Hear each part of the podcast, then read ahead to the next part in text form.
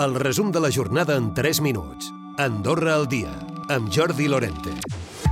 Una padrina de 91 anys, resident a Clara Rabassa, ha mort amb el Covid en el brot que ha patit la residència els darrers dies. La defunció eleva a 160 el nombre de víctimes mortals registrats pel coronavirus. Pel que fa al brot, actualment hi ha 13 malalts actius a la residència Sant Vicenç d'Enclà, d'un brot inicial de 47 persones.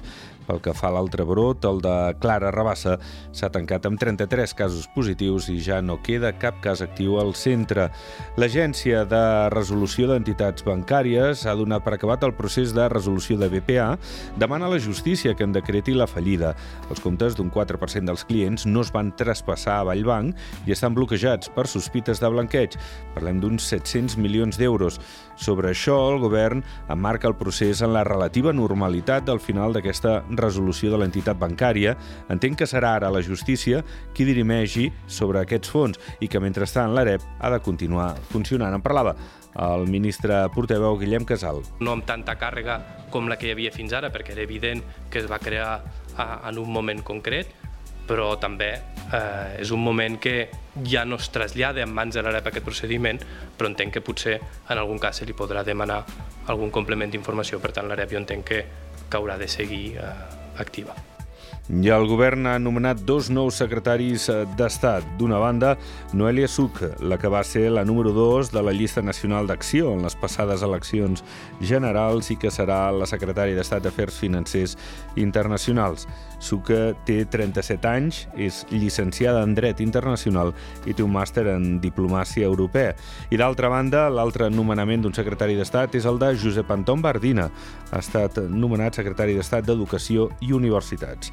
Ja va ocupar aquest càrrec entre els anys 2001 i el 2005, té 49 anys, és mestre i pedagog de professió. Els comerciants reconeixen estar amb l'aigua al coll i adverteixen que si arriba una nova crisi econòmica, alguns es veuran obligats a tancar.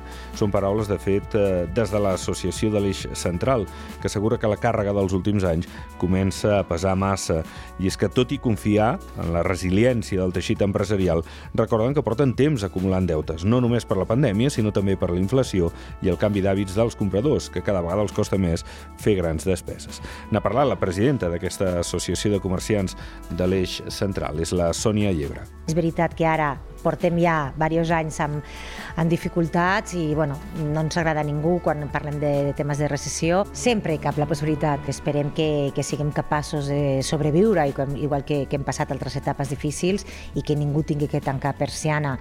El bus a demanda d'Escaldes en Gordany presentarà canvis significatius a partir del 5 de juny. El Comú habilitarà al centre de la parròquia unes parades on dirigir-se per agafar el transport i obrirà també una línia regular cap a Angolesters. S'aprofitarà d'aquesta manera la major afluència de gent que pel bon temps va fins al llac. Recupera el resum de la jornada cada dia a AndorraDifusió.d i a les plataformes de podcast.